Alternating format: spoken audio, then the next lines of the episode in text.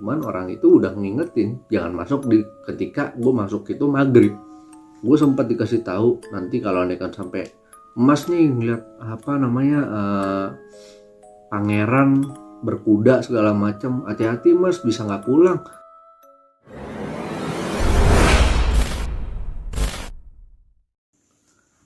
Hai bro and sis kembali lagi bersama saya Al. Di sini saya akan berbagi sedikit cerita tentang pengalaman saya. Tanpa berlama-lama lagi. Kita langsung ke ceritanya.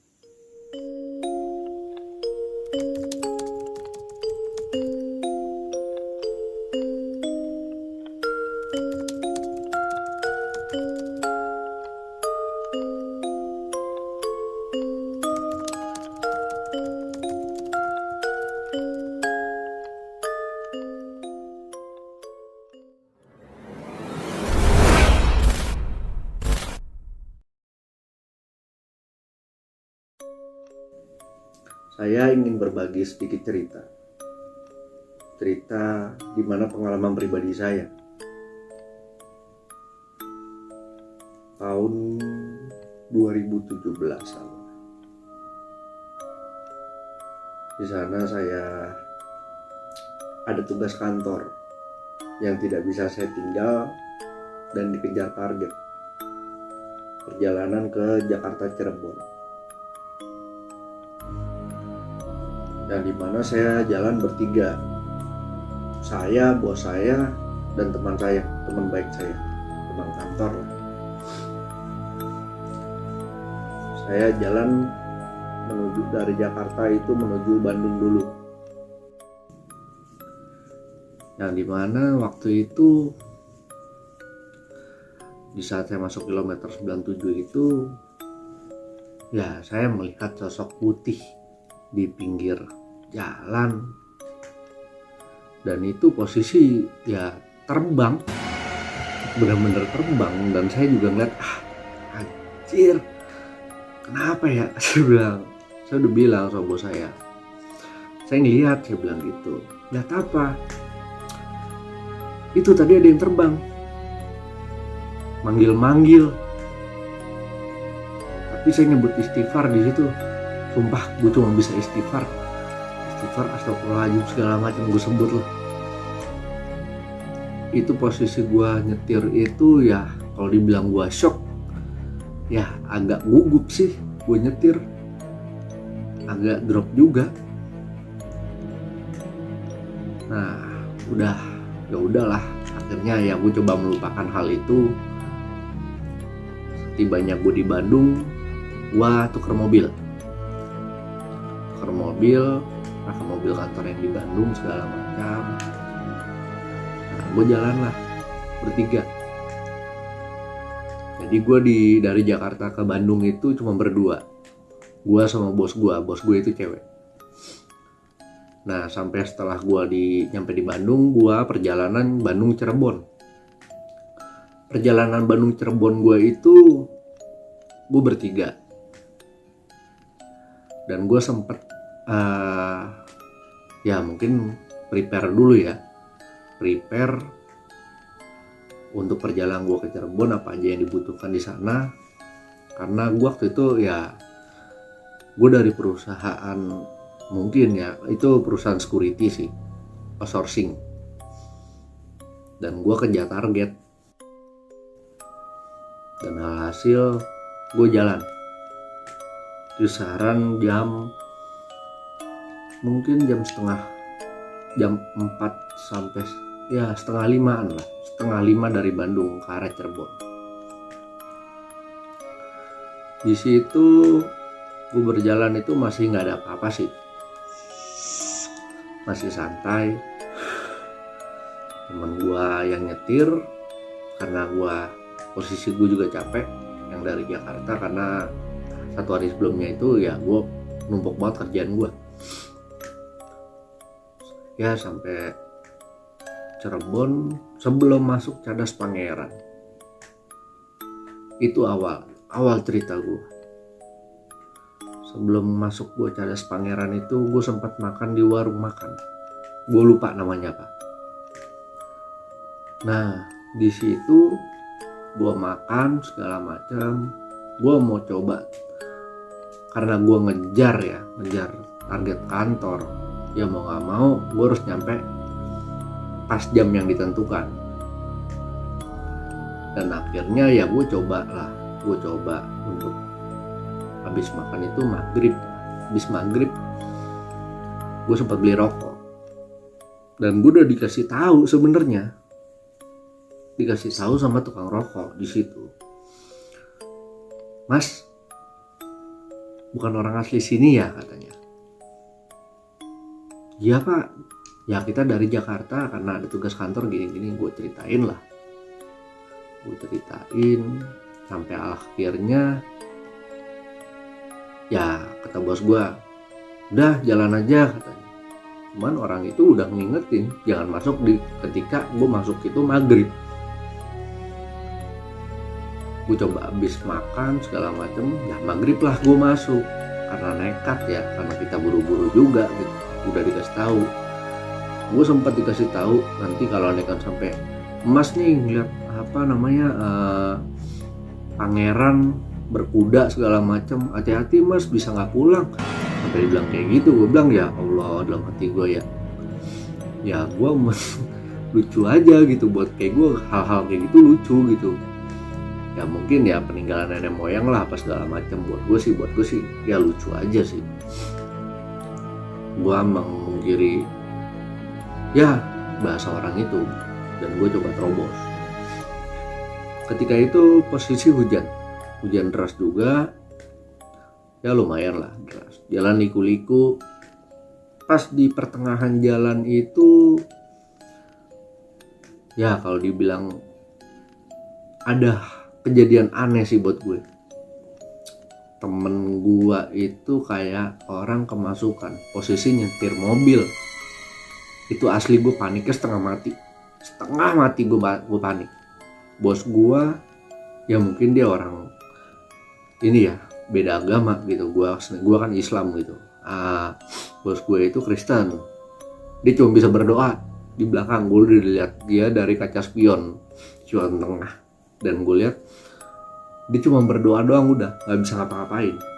Karena posisi mobil itu ya kurang lebih 100 km per jam lah. Karena gue ngejar ngejar kenceng ya. Di situ ngejar cepet biar cepet nyampe Cirebon. Tapi ya di situ ya kalau gue bilang itu teman gue itu tiba-tiba ke orang kemasukan bengong. Terus dia sampai ya kalau buat gue sih gila juga sih. Gue bilang anjir nih orang udah kesurupan bisa istilahnya masih bisa nyetir gitu. Gue panik panik sepanik paniknya gue bilang. Gue cuma bisa istilahnya ngomong istighfar doang dah di kupingnya dia. Astagfirullahaladzim bro. Sadar lo sadar. Gue cuma gue gitu doang. Dia ngomong pakai bahasa Sunda. Dan gue nggak ngerti artinya itu apa. Cuman uh, yang gue paham itu mungkin ya gue sedikit paham bahasa Sunda yang sampai akhirnya dia bilang tolong kembalikan. Gue gak bisa bahasa Sunda tapi gue bisa ngertiin gitu. Tolong kembalikan batu yang diambil. Kayak gitu.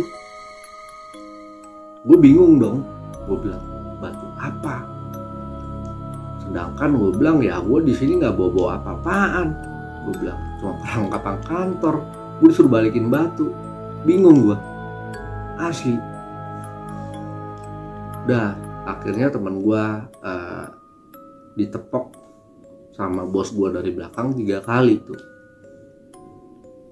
Sadar sadar yuk sadar yuk sadar yuk gitu dan akhirnya sadarlah temen gue itu. Temen gue sadar. Dia coba gue tanya dong. Gue tanya uh, lo kenapa bro enggak gue nggak kenapa-napa. Deh tadi gue nyetir katanya astagfirullahaladzim di situ gue bilang lu tau nggak lu tadi ngomong bahasa Sunda segala macam gini gini? Gini gue jelasin kan. Enggak gue nggak sadar. Nah abis kejadian dia kesurupan itu rem blong. Mobil remnya blong. Wah di situ benar-benar gua wah kalau dibilang makin panik makin panik mobil sehat kok tadinya. Udah kita istilahnya udah kita cek lah. Udah gua cek segala macam mobil sehat tiba-tiba blong.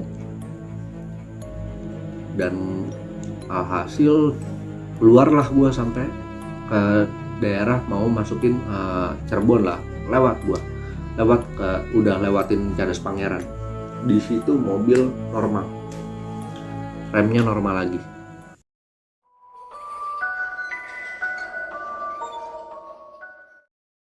gue cuma gue cuman berpikir gue bilang gila dari gue jalan Jakarta sampai Bandung gue udah nemuin gitu. Dan dari Bandung ke Cirebon gue bilang gue bener-bener gue bilang ih gue bilang ya kalau dibilang gue nggak nggak ngeliat nggak ngeliat apa-apaan. Cuman kejadian itu yang buat gue ya mistis sih. Gue bilang dengan hal-hal yang pas orang warung gue ngasih istilahnya ngomong ke gua jangan lewat mas pas maghrib segala macam. Terus temen gua kesurupan pakai bahasa Sunda lah ngomong batu batu batu apa dalam hati gua. Udah akhirnya gua melupakan itu dan gua coba istilahnya menjalani lah sampai Cirebon ini pekerjaan gua. Dan bos gua ini kebetulan penasaran. Penasaran nanya lah sama gua. Tadi kayak nyebut batu-batu gitu. Batu apa drill? Bilang. Gue nggak tahu.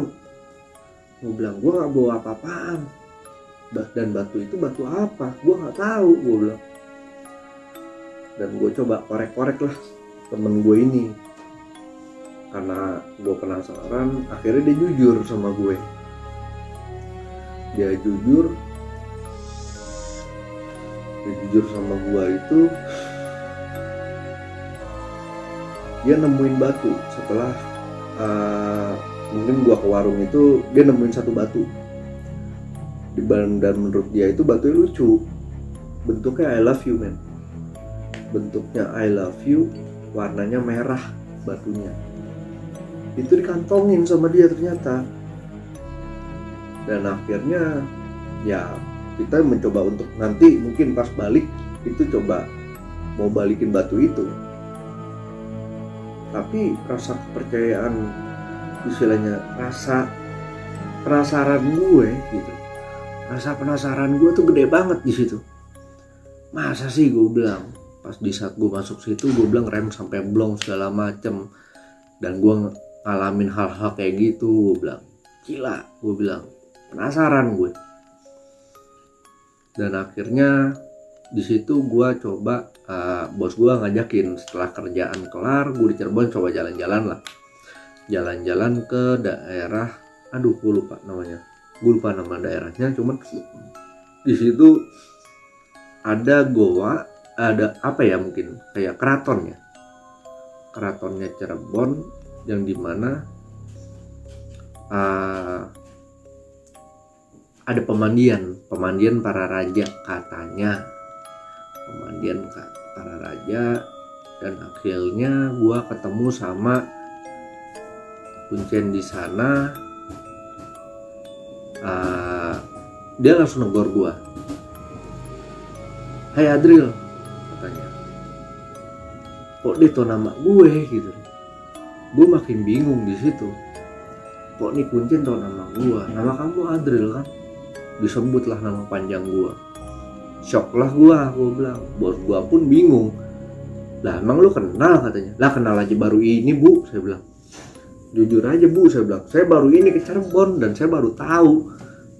Gua bilang. Sampai akhirnya ya gue disuruh mandi di satu pemandian para raja kayak gitu. Uh, ya mungkin bukan yang buat umum ya jadi benar-benar ya tempat pemandian khusus lah yang gue coba masukin di sana di antar sama si kuncen itu. Gue mandi segala macam disuruh mandilah. Gue bertiga mandi di sini udah disiapin katanya. Wah bingung mau makin bingung gue ya. Gue bilang gila gue disiapin apaan? Bisa pulang gak dalam hati gue gue dalam hati gue tuh yang masih ngerasain gue mandi enggak mandi enggak mandi enggak. Bener asli yang gue rasain kayak gitu. Tapi ya gue mencoba memberanikan diri karena rasa penasaran gue tuh gede banget. Asli penasaran gue gede banget. Dan hal-hal kayak gitu tuh buat gue tuh bikin gue penasaran. Dan akhirnya ya gue coba mandi lah segala macam. Tempat itu di goa itu gue ngeliat satu sosok. Gue ngeliat satu sosok yang di mana sosok itu ya cantik banget. Nggak bohong gue sampai gue tuh berpikiran gue bilang anjir kapan gue punya calon bini kayak begitu? Konyol sih pemikiran gue cuman ya emang cantik banget dan pakai baju ya kayak baju Jawa komplit. Atasnya itu tuh pakai ronce-roncian melati segala macem lah. Itu asli gue nggak bohong. Cantik banget sampai akhirnya itu gue selesai mandi ya gue coba uh, baliklah gue ke hotel.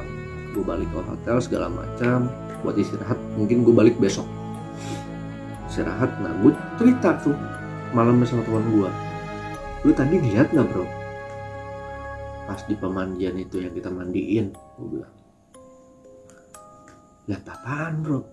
Cewek bro cantik banget yang di atas batu. Gue bilang gue ngasih tahu dia posisinya lah dia berdiri itu di mana. Di atas batu pakai selendang warna merah segala macam gue jelasin bla bla bla bla. Sampai akhirnya temen gue bilang ah lu gila kali gue nggak ngeliat apa apaan dibilang gitu. Makin bingung gue makin deg-degan. Dalam hati gue kenapa gue doang yang diliatin ya akhirnya besokannya gue balik kelar pagi segala macem gue balik ke mau balik ke Bandung. Dan gue balik ke Bandung itu mungkin di sekitaran sore lagi. Rasa penasaran gue gede di situ. Gue gantian sama temen gue gue bilang gue yang bawa mobil bro. Gue yang nyetir. Karena gue penasaran masa iya rem sampai blong hari yang sebelumnya ya pas gue sebelum sampai sana tuh gue bilang masa rem blong segala macam? Gak percaya gue dan akhirnya ya gue nyobain sendiri. Gue posisi hujan juga. Hujan deras. Jalanan liku-liku buat gue di situ. Gue di situ cuma bisa ngebuntutin bis. Bis hiba atau bis apa gitu. Gede banget sih pak. Uh, ah, gue ikutin. Itu kisaran 100 km per jam juga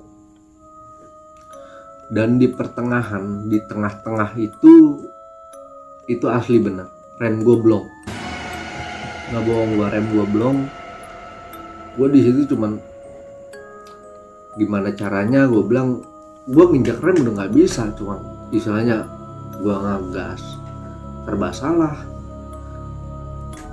Gue nginjek kopli mobil ngelos tapi pinggir gue jurang. Asli di situ panik kalau dibilang panik ya sedikit panik. Cuma gue nggak coba untuk ngomong sama temen gue kalau rem itu blong. Biar gue gue mikirnya di situ biar nggak semua panik ya. Biar uh, bos gue nggak panik temen gue nggak panik. Gue coba dikit-dikit ngocok tuh rem tangan. Rem tangan gue kocok dikit-dikit biar gue bisa ngerem lah seenggak-enggaknya.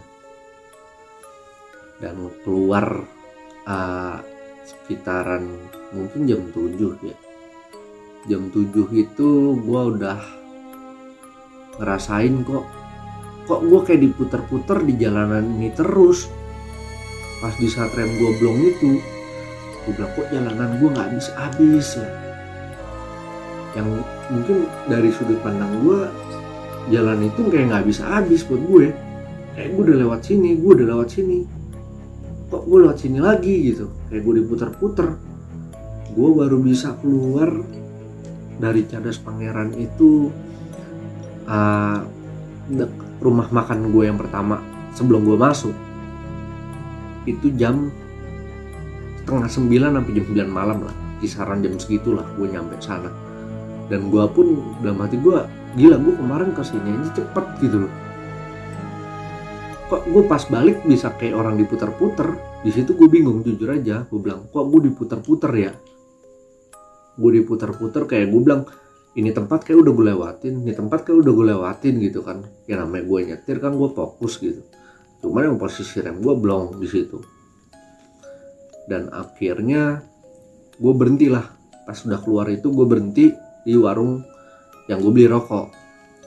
Ngobrol lah gue sama pemilik warung di situ. Saya jujur aja pak kemarin saya sempat istilahnya gue bilang sama dia ya saya mungkirin lah bahasa-bahasa bapak segala macam tapi saya ngalamin akhirnya. Alhamdulillah mas katanya. Mas masih dikasih selamat katanya. Kalau istilahnya mas sampai gak istilahnya dia bilang tuh sampai uh, mas diliatin sosok itu katanya sosok si pangerannya udah mas gak bakal pulang mungkin dibawa diajak ke alamnya sana katanya. Gue bilang dalam hati gue alhamdulillah dalam hati gue gue masih bisa selamat ya. Dan akhirnya gue bilang sama teman gue gue suruh balikin lah batu itu. Bro balikin bro batunya bro gue bilang. Lu nak ngambil dari mana? gue bilang. Di sini tempatnya kemarin katanya. Ya udah akhirnya ditaruh lagi lah di tempat semula dia ngambil batu itu.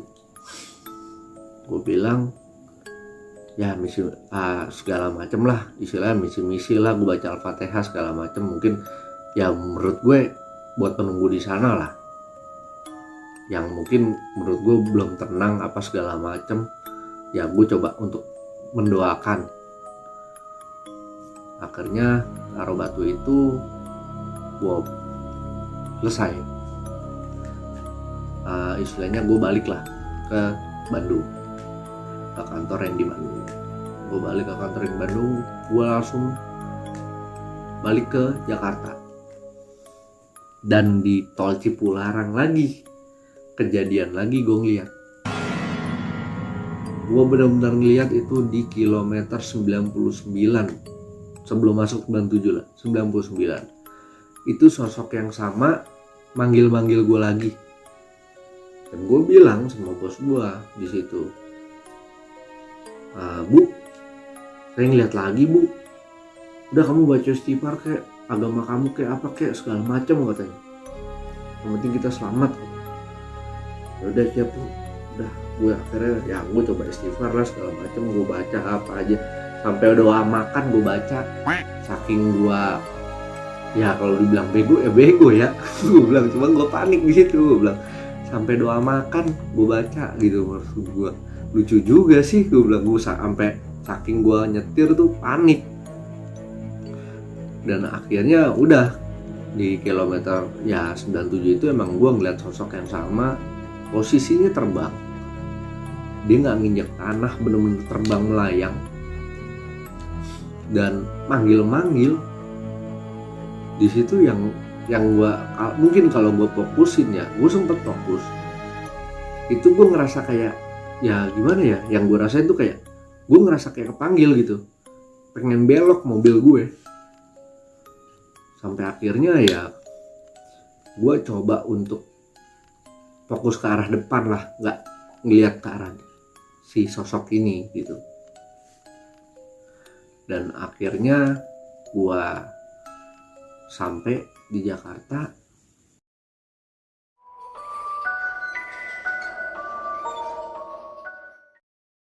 Dan itu satu pengalaman buat gue yang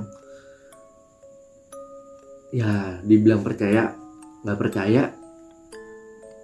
Dibilang nggak percaya ya gue harus percaya karena gue ngelakuin istilahnya gue ngerasain langsung.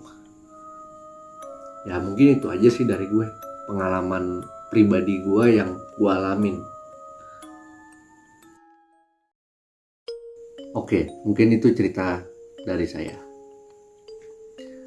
Kita bisa mengambil pelajaran di mana jangan pernah mengambil hak yang bukan hak kita. Sekian dari saya.